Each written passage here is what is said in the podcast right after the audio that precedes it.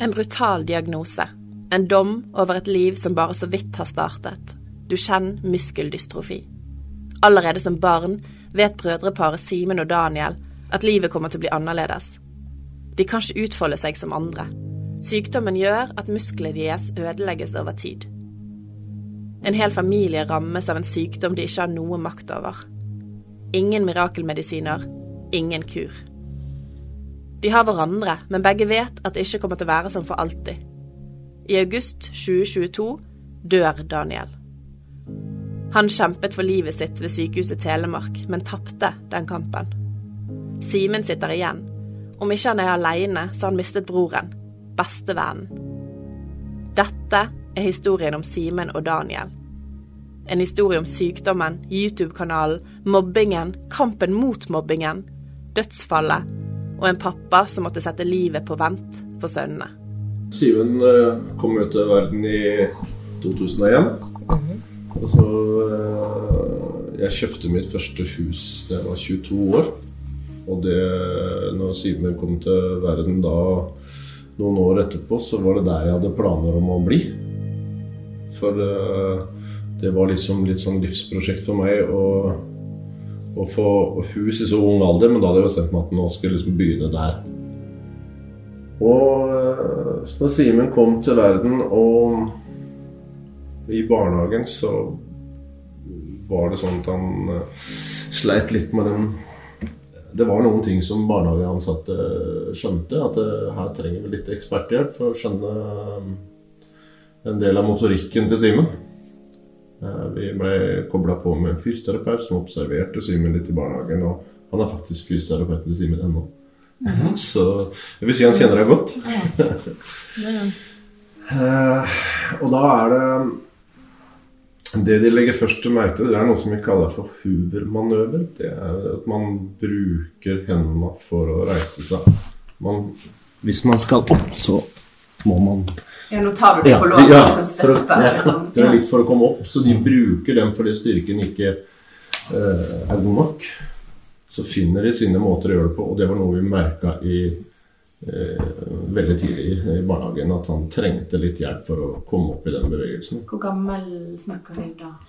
Vi snakket, snakker halvannet, vel. Så, så tidlig? Ja.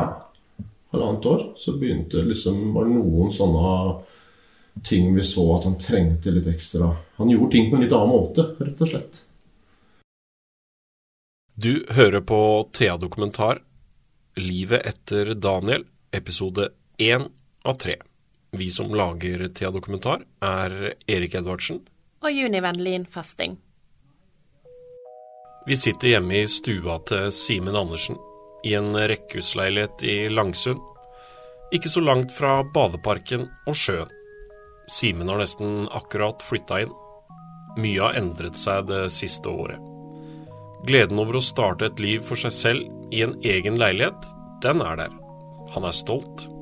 Samtidig er savnet og sorgen etter tapet av Daniel nesten bunnløs. Vi kommer tilbake til alt dette, men først. Det var pappa Bjørn Gunnar du hørte snakke her innledningsvis. Og da han ble pappa til storebror Simen for 22 år siden, da visste han lite om hvordan livet skulle bli. Da var det egentlig tre år, to og et halvt, tre år med litt uh, utredning på Rikshospitalet. Det var en litt komplisert greie. Måtte ta litt uh, biopsi. Vi hadde veldig mye turer fram og tilbake før vi klarte å finne ut hvilken type diagnose dette dreier seg om. Uh, at det var uh, Duchenne muskeldystrofi, da, som sykdommen heter. heter den, uh, den er på mange måter kanskje noe av det mest sånn brutale uh, sykdommen å observere barna får. Fordi du får liksom kjent på det hva livet skal handle litt om, og så blir man frarøva det litt når motorikken blir dårligere i en alder av åtte-ti års alder, og så mister man muligheten til å stå og gå. Så det er en progresjon som er veldig vanskelig for uh, foresatte å, å, å være vitne til. Liksom. For da småløper litt i ung alder, og så ser du at det går nedover i den alderen. Det er litt uvirkelig, egentlig. Duchenne muskeldystrofi er en alvorlig, sjelden og fremadskridende muskelsykdom som nesten bare rammer gutter. Sykdommen skyldes en feil i muskelcellene, som fører til gradvis tap av muskelfunksjon. De siste 20 årene har gjennomsnittlig levealder økt til 30-40 år. Tidligere var gjennomsnittlig levealder rundt 20 år. Det finnes ingen helbredende behandling. Altså, I Norge så er det sånn at uh, vi kaller det uh, Eller den kommer innenfor kategorien sjelden sykdom hvis det er under 500 uh, tilfeller hvert år som kommer. Her har vi rundt 60 barn i Norge som, som får den diagnosen i året. Vi kjenner veldig mange. De siste, de siste åra så har det faktisk under 60. Jeg tror det har vært under 50 år. Mm. Uh, det er sånn som svinger litt opp og ned og sånn, men uh, vi, vi, vi, er en uh, Vi er en liten familie med gutter som har denne sykdommen. Som vi har mye kontakt med, spesielt i den unge barne- og ungdomstiden, da, hvor vi er på leir eller kurser eller får tilbud av ting gjennom helsevesenet. Når du sier gutter, er det ikke jenter som får det? er bare gutter som kan utvikle sykdommen. Det er en sånn kromosomting. Vi gutter vi har to x-er, eller jenter har to x-er og én y. Og så når du får Duchenne, så mister man den ene x-en. Og da klarer jenter å De har fremdeles en x og en y. Gutter har bare y igjen, og derfor så blir det en gen. Det er Et genproblematikk. da. Det er en uh, uh, Jenter kan bære sykdommen videre, ja. men uh, ikke utvikle den. For det er genetisk? Mm. Og det, så det er, det er, veldig lett for meg som har den erfaringa nå, at jeg kan se hvis jeg møter en gutt med dusjen, så ser jeg det med en gang. Mm. Uh, både fordi at de er ganske sånn like i ansiktsuttrykk og altså Det er fordi at det, stort sett de samme muskelmassene forsvinner. Og det er lett å kjenne igjen i ansiktsform og, og en del av motorikken. Men da kjenner jeg jo Det vi, da. Vi kjenner jo veldig mange ja. eh, familier som, eh, som, vi, som vi har truffet opp igjennom. To år etter at Simen blir født, kommer det en liten gutt til. Daniel blir født. Når han kommer til verden, vet ikke familien hvor alvorlig diagnosen til Simen er. Og Daniel kom i 2003, så vi hadde jo ikke fått diagnosen på Simen ennå. Ikke sant. Så vi visste jo ikke at uh, det var en sånn type alvorlig diagnose. Og vi er vel uh, var i hvert fall fire familier som hadde to gutter med Duchenne uh, i Norge. jeg kjenner Eller vi har et veldig godt vennepar i Lillesand som også har to gutter. Og så er det, et, er det en familie i Bergen, og så har vi hatt en familie som bor i Narvik. Så det er uh, ikke mange som har to.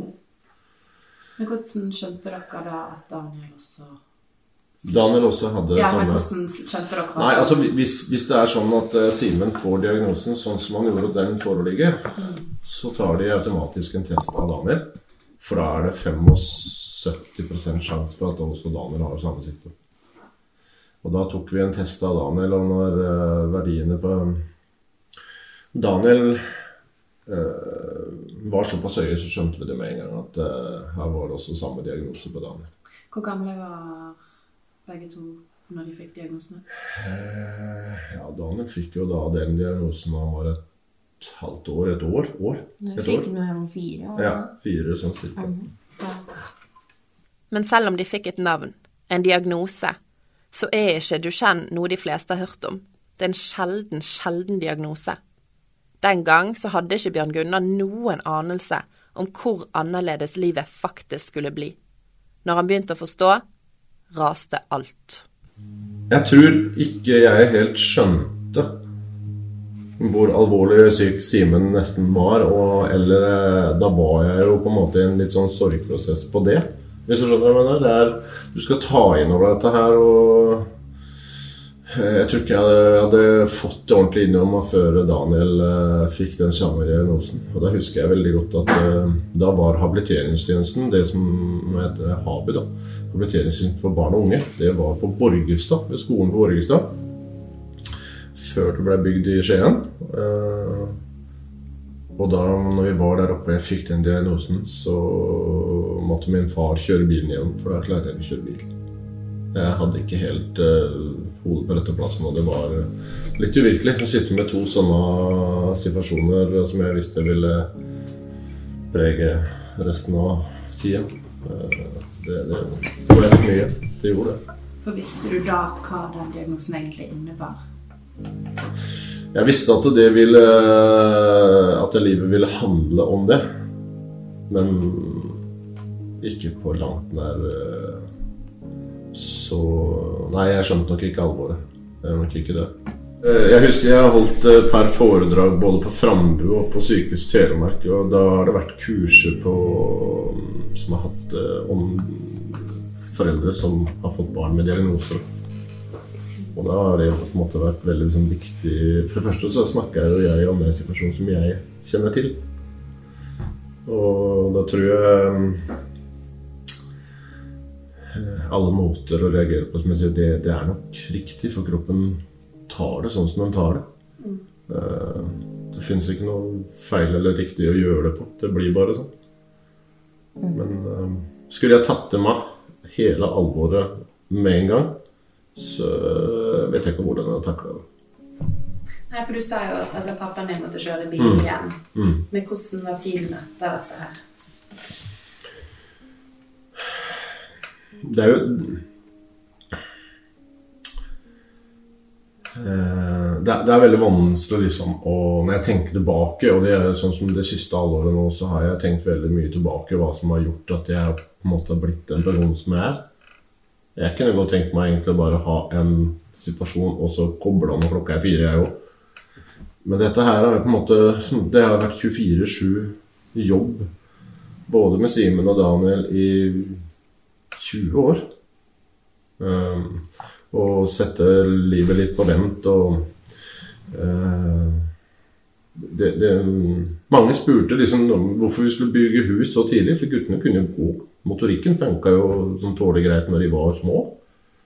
Simen og Daniel ville etter hvert ikke kunne gå fritt som andre barn, og Bjørn Gundar gikk tidlig i gang med å bygge et nytt og tilrettelagt hus. Men å begynne å bygge hus når ting blir slitsomt og tøft eh, og vanskelig når du har altfor mye å gjøre, det det vet jeg ikke om jeg hadde takla. Ja, for Når skjønte du ikke at ok, men du må ha et annet sted å bo?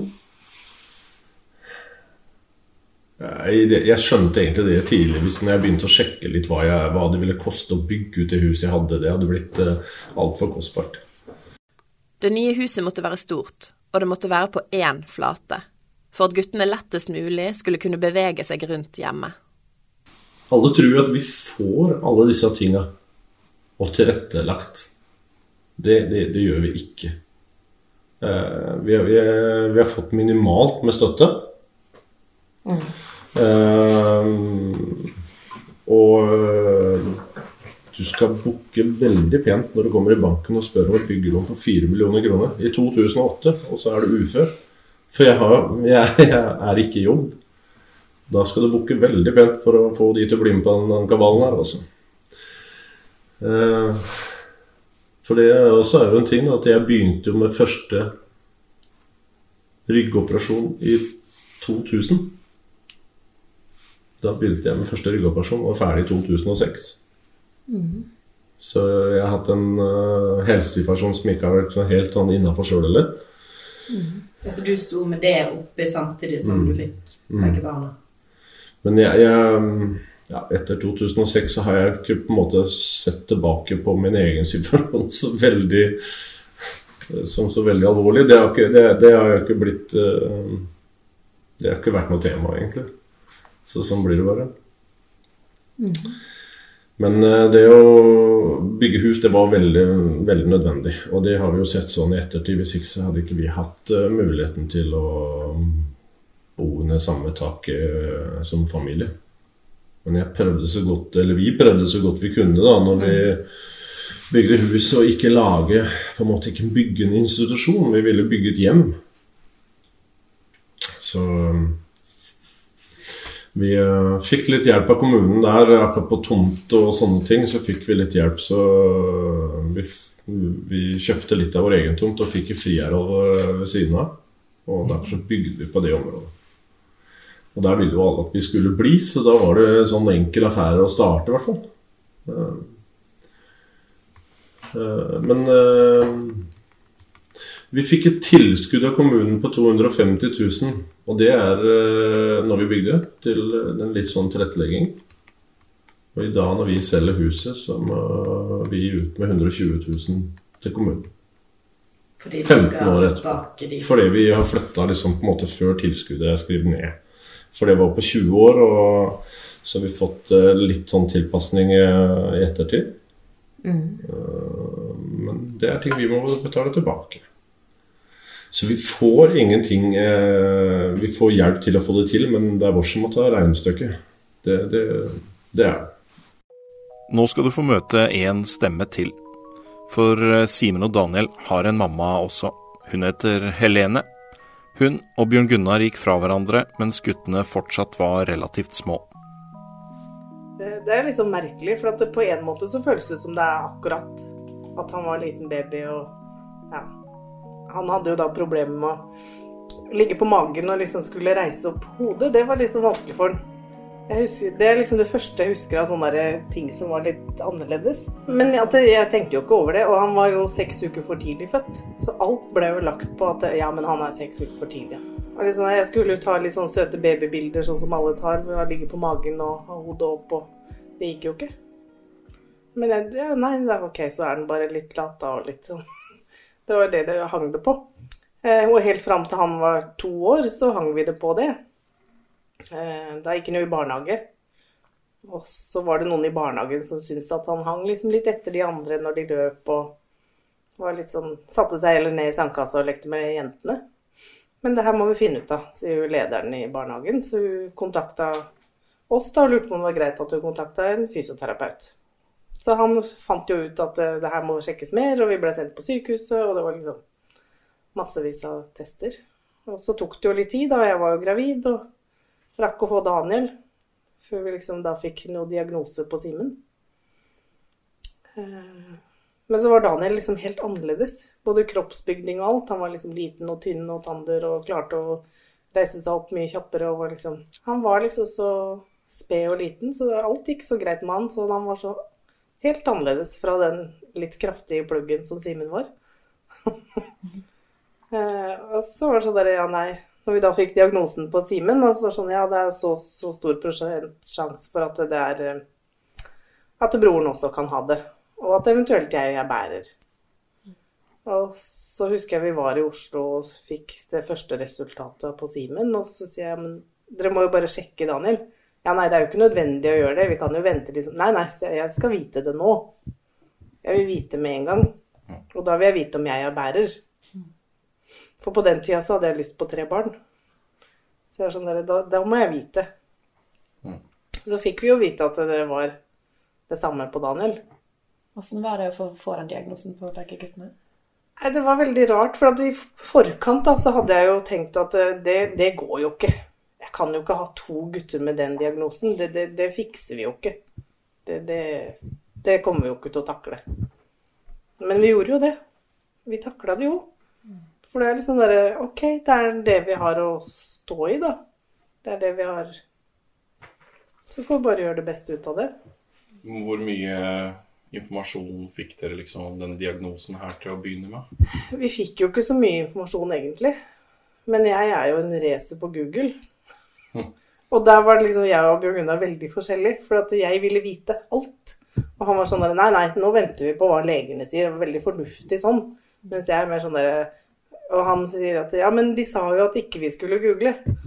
Og jeg bare hallo, har du møtt meg?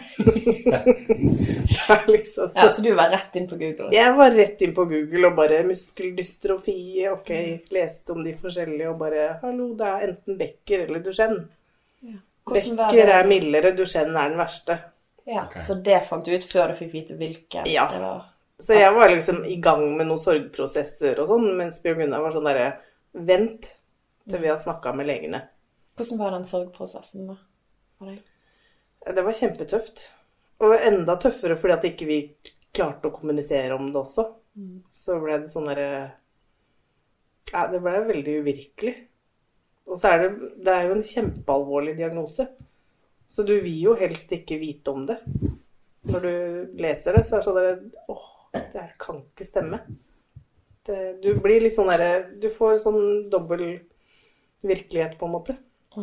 For du skjønner jo at det her er det som er vi må forholde oss til, og så, er sånn, så ønsker du så veldig noe annet. Så det, det er kjempevanskelig.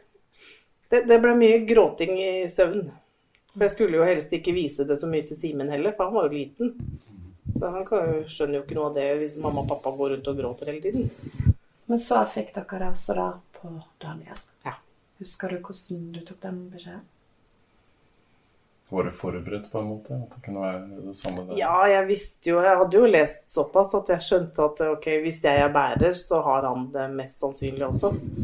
Men så er det sånn at ok, det er 50-50. Vi- Jeg håpa jo hele tida at det var At han var frisk, siden Og alt han gjorde, så var det sånn derre Ja, men se da, han klarer jo det. Ja, men se da, han gjør jo sånn. Ja, men se da, det kan ikke være det samme, for at han er jo helt annerledes. Så jeg tror nok jeg prøvde å holde håpet oppe så lenge som mulig. Så ble det liksom slått i bakken når det var det òg. Men da gikk vi og fikk hjelp. Vi var hos psykolog. Og så bodde vi i et gammelt hus, og da sa dere ok, vi kan ikke bo her. Vi får to stykker i rullestol. Det går jo ikke. Det er liksom et hus fra 50-tallet med bad i kjelleren. Det. og så hadde vi jo forsikring på begge barna. Eh, og da fant vi ut at vi kunne få penger derfra da, til å liksom bygge nytt. Nå er huset solgt. Simen har fått egen leilighet, og Bjørn Gunnar skal bo med konen sin Ida i et annet hus. De vil prøve å få en mer normal hverdag. Men situasjonen er alt annet enn normal. Det fikk familien merke fra veldig tidlig. Så unormal var han at flere ønsket å skrive masteroppgave om brødrene. når, når, der, når, vi fikk, eller hadde, begge guttene fikk diagnosen, så var det sånn at eh, da var det eh, innenfor eh, habiliteringstjenesten og sykehuset så var det liksom et interessant tilfelle å se litt på, tydeligvis. Og vi fikk to forespørsler fra Universitetssykehuset i Oslo om de, det var noen som kunne skrive masteroppgave om Simen og Daniel. Det var Simen det blei om da, for han var i barneskole. Og da var det for å følge den utviklinga, hvordan han takla den når han mista sine ferdigheter, hvordan han klarte seg i, eh, på SFO og i barneskole. Og, alt. Og for oss så var det faktisk litt så interessant, for at eh, da var det en som skulle skrive masteroppgave, satt i skolegården eller på SFO og observerte hvordan Simen håndterte det. Og eh, du finner måter å gjøre disse tinga på, på en annen måte. Når du mister en mulighet, så finner man eh, muligheter. Og det er jo sånn jeg også har observert alt dette her sånn. Hvis det var noe de på en måte ikke klarte til slutt, så fant de en annen måte å gjøre det på. Fordi motorikken uh, hemma litt på den måten. Motorikken til Simen og Daniel ble stadig mer begrenset. Nye utfordringer og kreative løsninger sto i kø. Etter hvert som vante bevegelser én etter én ble umulig å gjennomføre. Jeg husker Daniel på slutten, men motorikken han hadde i hendene, så var det sånn at han klarte ikke å ta hånda opp og på en måte ta seg, klø seg på nesen. Men hvis han tok hånda og klatra litt oppover brystet og opp haka, så kom han opp dit. Men det var sånn han måtte gjøre, for få, hvis ikke så ville han ikke klare den. Men de, de finner sin måte å gjøre det på. Og det er ganske sånn bemerk... De, skal jeg si, det, er, det er ganske sånn utrolig å observere hvordan de tilpasser seg. Uh, selvfølgelig vondt å se. Det var jo ikke noe valg, på en måte. Nei, det er sant, det er synd. Ja, hvordan opplevde du det sjøl da, Simen, når du var så liten? Eh, Jeg husker ikke så mye av det, men jeg husker litt. Jeg Kommer liksom ikke på den. Men hvis du tenker da, liksom, eh, Vi har jo hatt uh, tett oppfølging av denne fysioterapeuten som har vært uh, kobla på helt siden barnehagen. Og um, Simen er jo kanskje en av de eldste i Norge som Eller han er den eldste i Norge som fortsatt kan stå litt og gå noen få skritt. Ja, for du kan det. Og det er det ingen andre gutter med Duchenne som har gjort det når de er 21 år. også. Ja. Så dette er en uh, Skal jeg si Det er en konsekvens av steroidbruk. Og det husker jeg veldig godt. Jeg syns det var fryktelig dårlig gjort av helsevesenet å pålegge meg ansvaret om Simon Daniel skulle begynne på steroider. For det ville ikke synes legene ha noe formening om, fordi at det var liksom veldig sånn nytt og ferskt. ehm, du kan forklare litt, for det har veldig mye med motorikken å gjøre. Simen hadde sannsynligvis ikke hatt muligheten til å stå og gå i dag hvis ikke han hadde brukt steroidene. Du går fast på steroider? Mm, ja. Ja. Ta steroider hver dag. Ja. Har gjort siden han var seks. Prednisolon. Det er prednisolon, ja. Ja, Prednisolon er et kraftig betennelsesdempende legemiddel som ligner kroppens eget hormon kortisol. Prednisolon blir ofte brukt i lave doser ved kroniske sykdommer, eller i høyere doser over kort tid i perioder med høy sykdomsaktivitet. Og det er sånn når vi fikk beskjed om det, så var det sånn at vi har et tilbud til dere, da er det å starte på prednisolonbehandling. At eller de tar det Simen Daniel har bestandig egentlig tatt litt små doser. Det har ikke vært noen sånn voldsomme eh, doser de har tatt, men eh, det har vært en positiv effekt motorisk. Og, og det er en eh, Det positive er den motoriske biten som blir oppholdt litt lenger. Endestasjon er helt lik. Det er bare at man får en annen kurve i dette her. Man Det er jo forskjell på folk til folk òg, da. Ja, ja, selvfølgelig. Det er det. Så alle med Duchenne er jo forskjellige. Mm. Mm. Det er det. Men det var veldig vanskelig når legene ikke ville For jeg spurte sånn til jeg hva mener dere? Nei, det ville ikke de ha noe formening om. Det var veldig vanskelig når du aldri har stått i den Jeg situasjonen før. hadde jo ingen uh, Nei, kunnskap om dette. Så det var veldig vanskelig liksom, om jeg skulle ta det valget. Eller, det, Men det var enten det eller ingenting, da? Eller Ja. hva? Ja. Og det var ja, vi, vi måtte jo ta vi, vi måtte jo si ja fordi at uh, alternativene er uh, kanskje at man ikke legger på seg og får At det går utover vekt. Det er liksom den negative delen av det. Uh, samtidig som at uh, Simen og Daniel uh, Hvis hun ser bort ifra Duchenne, så har de egentlig vært ganske friske. Så der har vi vært litt heldige. Vi har ikke hatt veld... Daniel har hatt noen komplikasjoner. Han har operert begge føttene sine og, og slitt voldsomt motorisk, han. Men ikke andre komplikasjoner eller diagnoser som har eh, mange, mange kan få eh, Sånn som i penicillon, da, så kan du få osteoporose, altså benskjørhet. Så det, det er ganske vanlig hvis du går på penicillon, men det kan man få hvis man ikke går på prednisolon. Ja da. Ja, da. Men Så eh, det det er noen som har noen tilleggsdiagnoser, da. Det er det noen som har. Mm. Um, så det, det Men jeg syns uh, Jeg syns Simen og Daniel har egentlig vært uh, forholdsvis friske, da. For Simen har livet gradvis endra seg. Men for ham er det ikke lett å huske alt. Det er annerledes for pappa Bjørn Gunnar, som har sett sønnene sine klare mindre og mindre.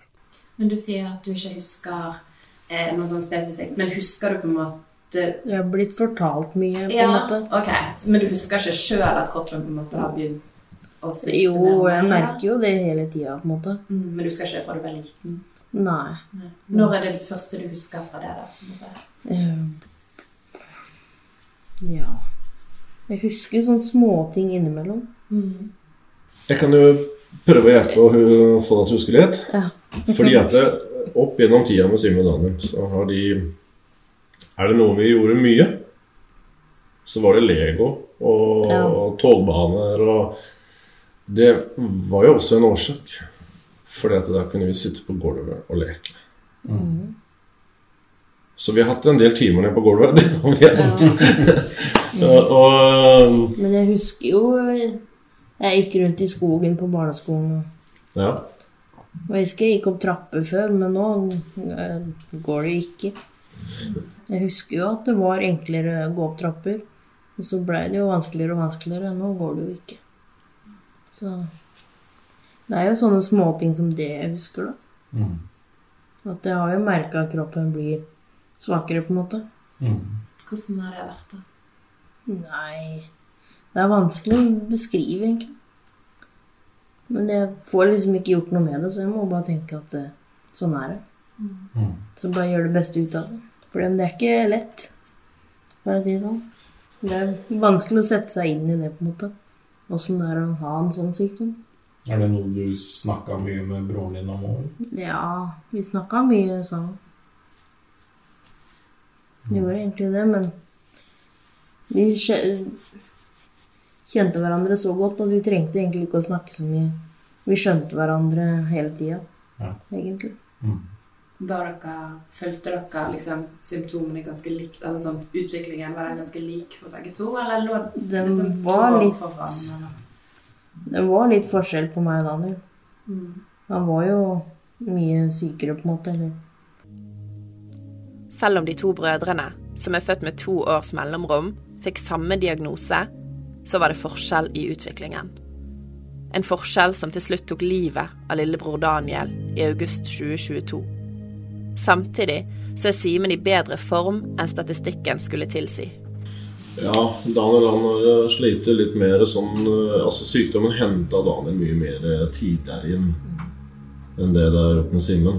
Eh, sånn Statistisk sett så er det mellom 8 og 12 års alder det er da de på en måte mister muligheten til å gå også. Simen er jo 21, så han er jo litt utafor. Og for meg så er det innafor. men men, men eh, Daniel uh, mista Vi var på ferie, vi skulle til Roma. Pakka bilen, skulle kjøre ned til Roma.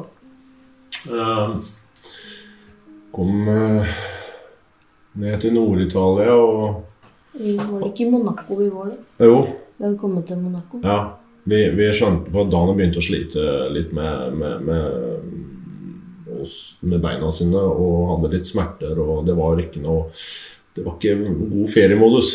Det var eh, mye negativt, og vi fant ut at eh, i Roma med 45 varmegrader så ønska vi ikke å være når han ikke var i form. Så vi snudde litt og reiste til Monaco. Jeg husker det skulle kompensere litt for eh, Roma, og jeg booka suiten på Marriott Hotel. Det var en dyr kompensering. Og da husker jeg vi satt og på toppetasjen der og kikka utover Monte Carlo. Ja, Og den turen det der, altså. Hæ?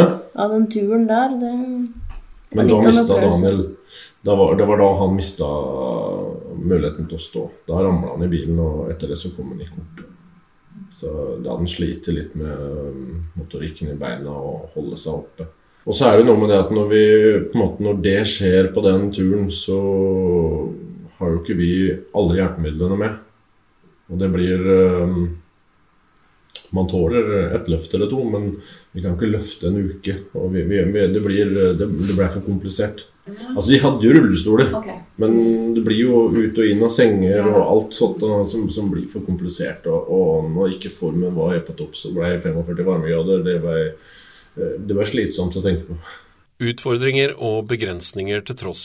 Brødrene Simen og Daniel, pappa Bjørn Gunnar og kona Ida har ikke begrenset livene sine til å bare være innenfor de fire veggene på det tilrettelagte huset. Der, er, eh, vi har brukt bilen veldig mye når vi har feriert, for det har vært en måte, en fin måte å feriere på.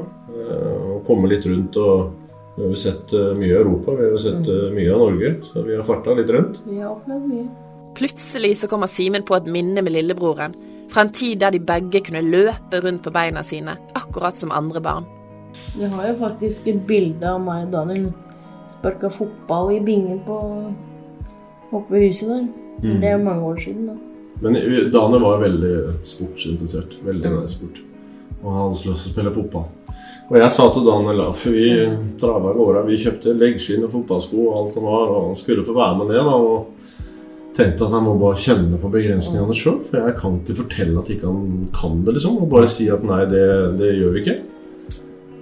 Og så, når han kom ned altså på banen på Bune, så husker jeg at han uh, sa til meg at pappa, det, det klarer jeg ikke, det blir for slitsomt. Men så gjorde jeg en avtale med de på fotballen at vi skulle være liksom materialforvaltere. da. Så da ble det at vi kjørte litt rundt med flasker og styra og ordna og delte ut ting. og sånn. Så han, da fikk han vært sammen med en del av de kompisene fra skolen. da, vet du. Men eh, så syntes han det var veldig sånn sårt. og Han var nede og så på noen treninger, men eh, jeg tror det ble tungt for han. Ja. Når han kjente han ikke kunne være en del av de tinga der. Og, så det, det det er rart med det. eh, Men det, det var jo opp til Daniel å kjenne litt på de begrensningene. For, det sånn, for det, det var vanskelig bare å si det at eh, Nei, det, det funker ikke. Det, det, det kan du ikke. Det var liksom ikke opp til meg å si, på en måte. Det at Daniel hadde så lyst til å spille fotball, en historie som har festet seg hos mamma Helene òg. Han har jo alltid vært veldig opptatt av fotball. Og han hadde jo veldig lyst til å spille fotball. Og så ble vi liksom enige om at OK, vi lar han prøve, da. Og så Han må Ja. Han kjenner jo det sjøl, ikke sant, når det stopper han. Men så var det sånn der OK, skal vi skåne for det, eller skal vi la han prøve så han får kjenne på det? Og han masa jo sånn. Så var det sånn der OK, vi snakker med de som er der, og bare Vi har bestemt at han skal få lov til å prøve. Eh, Men han, han så jo det fort at det her funker jo ikke. Og det er jo kjempevondt når du vet at han har veldig lyst til å sparke fotball, og så kan han ikke. Så Nei, det var kjempevondt. Det er ikke noe tvil om det. Og jeg har hatt noen diskusjoner med ergoterapeuten også, hvor vi har liksom diskutert det her med Hun bare 'Å, du må passe på så ikke de blir slitne de For at de løper jo en del.' Så sier jeg, vet du hva? Det kommer fort nok den dagen at ikke de kan løpe. Jeg har lyst til at de skal få løpe så mye de vil, og så stopper de seg selv. Altså ok, da, så kan de få litt vondt i beina den kvelden, men da kan jeg jo massere de litt, da, og så får de en Paracet, og så er det liksom sånn derre Ok, vi må kanskje ta det litt mer med ro i morgen. Men det er jo litt sånn du lærer òg. Uansett om du er frisk eller syk, så er det sånn derre Ofte så må man erfare det. Tilbake til Bjørn Gunnar og Simen. Er det litt sånn du har gjort det opp igjennom? Ja. At de har liksom Du har ikke sagt det til dem, men de har måttet ja, jeg har jo, vi har jo snakka om alt, og vi, vi har vært igjennom veldig mange sånne samtaler. Og noen ting er jo Det har nok blitt litt annerledes etter YouTube-statusen. For da blir alt så veldig mye Da får du både kommentarer og høre det, og da blir det ikke din private greie lenger. Så det også var jo veldig vanskelig. Eh, når Simen uh, snakka om at han ville drive med YouTube, så for meg så var det jo drive med YouTube. Skjønte jeg ikke egentlig hva var engang. Eh, men eh, jeg fikk utrolig god eh, noen fine telefonsamtaler med Nordic Screens, da, som det nettverket Simon Daniel var en del av. Og Da snakka jeg med de der inne på telefon, og de forklarte meg litt om hva dette her gikk ut på. Og, eh, det virka veldig sånn trygt og Ja, det var litt trygge folk. Så det, det, det satte jeg veldig pris på, de telefonsamtalene som jeg hadde med du, Jeg kan jo ikke bare si til Simon og Daniel at eh, ja, dere kan holde på med det. Jeg må jo sette meg inn i det sjøl, jeg òg. Hva, hva barna driver med. Så det syns jeg var litt sånn Ja. Akkurat da visste jo ikke vi at det skulle bli sånn som det har vært. I 2014 starta Daniel og Simen det som skulle bli en av Norges største YouTube-kanaler, Daniel Simen, hvor man kan følge de to brødrene og alle deres morsomme påfunn i hverdagen. Men de snakker også om mer alvorlige temaer, noe som leda til at de i 2017 fikk prisen Årets meningsbærer for sitt engasjement rundt mobbing. Prisen ble delt ut på Gullsnutten, som er en prisutdeling for norske youtubere. Hvordan er det på en måte, Hvorfor starta dere med det? Simen? Hvor, hvor kom den ideen fra? Det var jo av Frems og Dennis. Når de starta, så fikk vi lyst til å gjøre det samme. Mm. Eller hvert jeg fikk lyst til å gjøre det først, da. Ja. Så fikk jeg med Daniel lite grann, og Men hva var på en måte tanken at dere skulle gjøre, da? Eh, Det var egentlig bare for moro at jeg la ut noen videoer. Det var ikke planlagt at det skulle bli sånn det ble, egentlig. Men- Kan du fortelle litt om hvordan det ble? Ja, det Vi vant jo Gullsnutten i 2017. Årets meningsbærer. Eh, på grunn av det, den videoen vi la ut mot mobbing, da. Hei og velkommen til Daniel. Simen. I dag skal vi snakke om nettmobbing, som er et stort problem for mange. Hver eneste dag er det noen som blir mobbet på nett, og det vil vi med denne videoen kanskje prøve å begrense, og som vi opplever hver dag. Eh, og da fikk jo kontakta TV 2 oss, og da balla det på seg. Velkommen hit, eh, Bjørn Gunnar. Og velkommen til eh, deg, Daniel. Tusen takk. På 12 år. Og storebror Simen på 14 år. Tusen takk. Du, Dere har jo denne YouTube-kanalen Ja. eh, der dette innslaget ble lagt ut. Hva slags kommentarer Simen, hadde dere fått før dere laget dette innslaget? Vi fikk veldig upassende kommentarer. De var litt voldsomme, kanskje. Da blei det masse aviser og masse greier. Men det var gøy, da. Ja. Og så hadde vi en dokumentarfilm som eh, ble laga av meg og Daniel. Eh, så det har skjedd mye. Hvordan har det vært å være litt sånn kjendis? Eh, det er gøy. Ja? Jeg liker det. Men det er mye arbeid bak det, da. Okay. Veldig mye jobb. Men det er gøy. Det har egentlig vært veldig mange fine tilbakemeldinger. Og det, er noen tilbakemeldinger som gjør at jeg uh, Jeg får motivasjon til å fortsette, da. Mm. Hva er det folk sier, da? Mm, det er jo mange som har sagt vi har redda livet deres, liksom. Med YouTube-videoene og TikTok-videoene vi har laga. På hvilken måte har dere reddet livene deres? Uh, jeg vet egentlig ikke. Vi snakka om mobbing kanskje fordi vi og tatt, om alle de tinga tatt opp temaene som har vært vanskelig. Men hvordan er det å høre da, at du kan ha vært med å redde livet til andre? Det er jo veldig Ja. Eh, jeg vet ikke. Tårene har begynt å renne nedover kinnene til Simen. Det er vanskelig å snakke om alt han gjorde sammen med lillebroren og bestevennen Daniel. Det er en stund siden jeg griner nå. vet du. Mm. Ja, det ble bare litt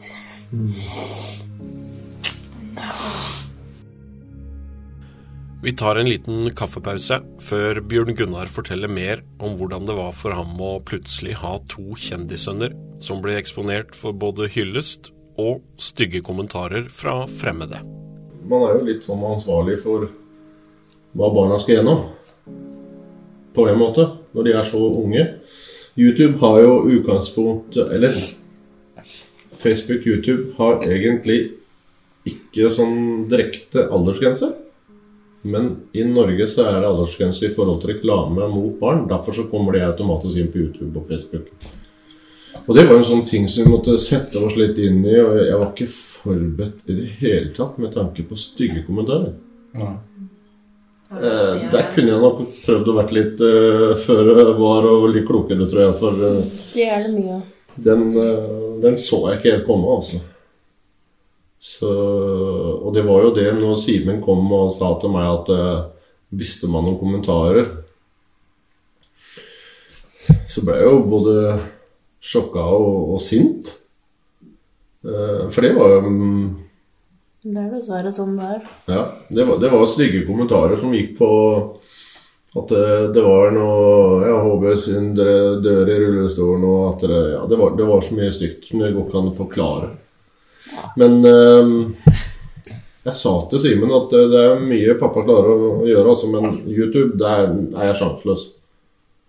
Så enten så må vi prøve å lage noe så vi treffer de seerne deres.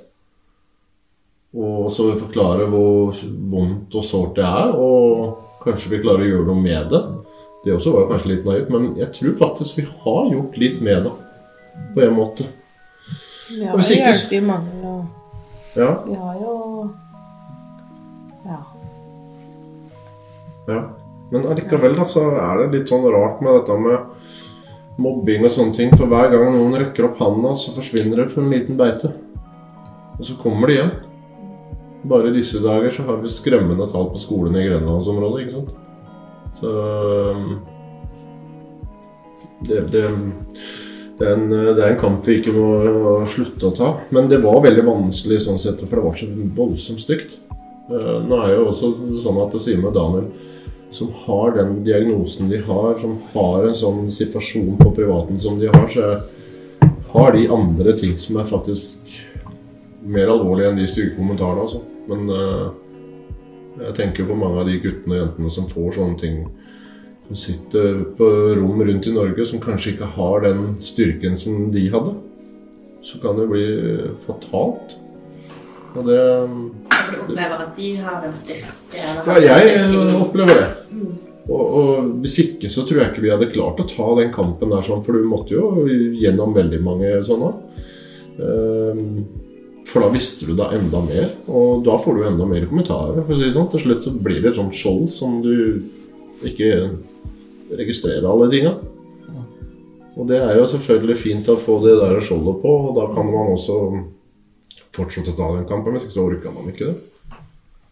Så eh, Men den ene videoen, da eh, For alternativet var å slutte med YouTube. Som Simen sa, den ene videoen som Men da vinner jo mobberne, på en måte. Egentlig. Ja da, men det handler jo om at man skåner seg sjøl når det blir for tungt. da. Ikke sant? Så det blir sånn. Jeg er enig med deg. Men det er viktig å gjøre det man har lyst til. Ikke bry seg om hva andre mener. Jeg trykte, Simen. Men um... Men det er ikke alltid så enkelt. Da lagde vi da den videoen som TV 2 huka tak i, eller tv2.no, altså Mm. nettutgaven kontakta oss. Mm. Så ble vi invitert på God morgen Norge, og um, så skjedde bare litt sånne ting etter hvert. Og da det tok litt av, som du sa. Ja. Det er litt vanskelig å høre her, men det var da karrieren til de to brødrene virkelig tok av. Det var litt uvirkelig der og da. Men det var, det var litt gøy, da. Vi starta jo en karriere, på en måte. Så det er litt gøy å kunne fortsette med det, syns jeg. Videreføre det meg og Daniel starta på. Hvordan er det å gjøre det alene? Mm, jeg har blitt vant til det nå. Men det er litt rart, egentlig. Jeg er jo vant til å gjøre det med Daniel, filme alt med han.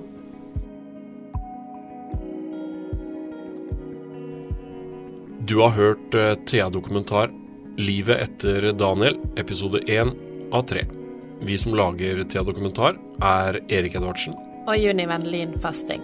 Musikken er laget av Simon Tekeste. Ansvarlig redaktør er Ove Meldingen. Har du innspill eller tips? Send e-post til dokumentar krøllalfa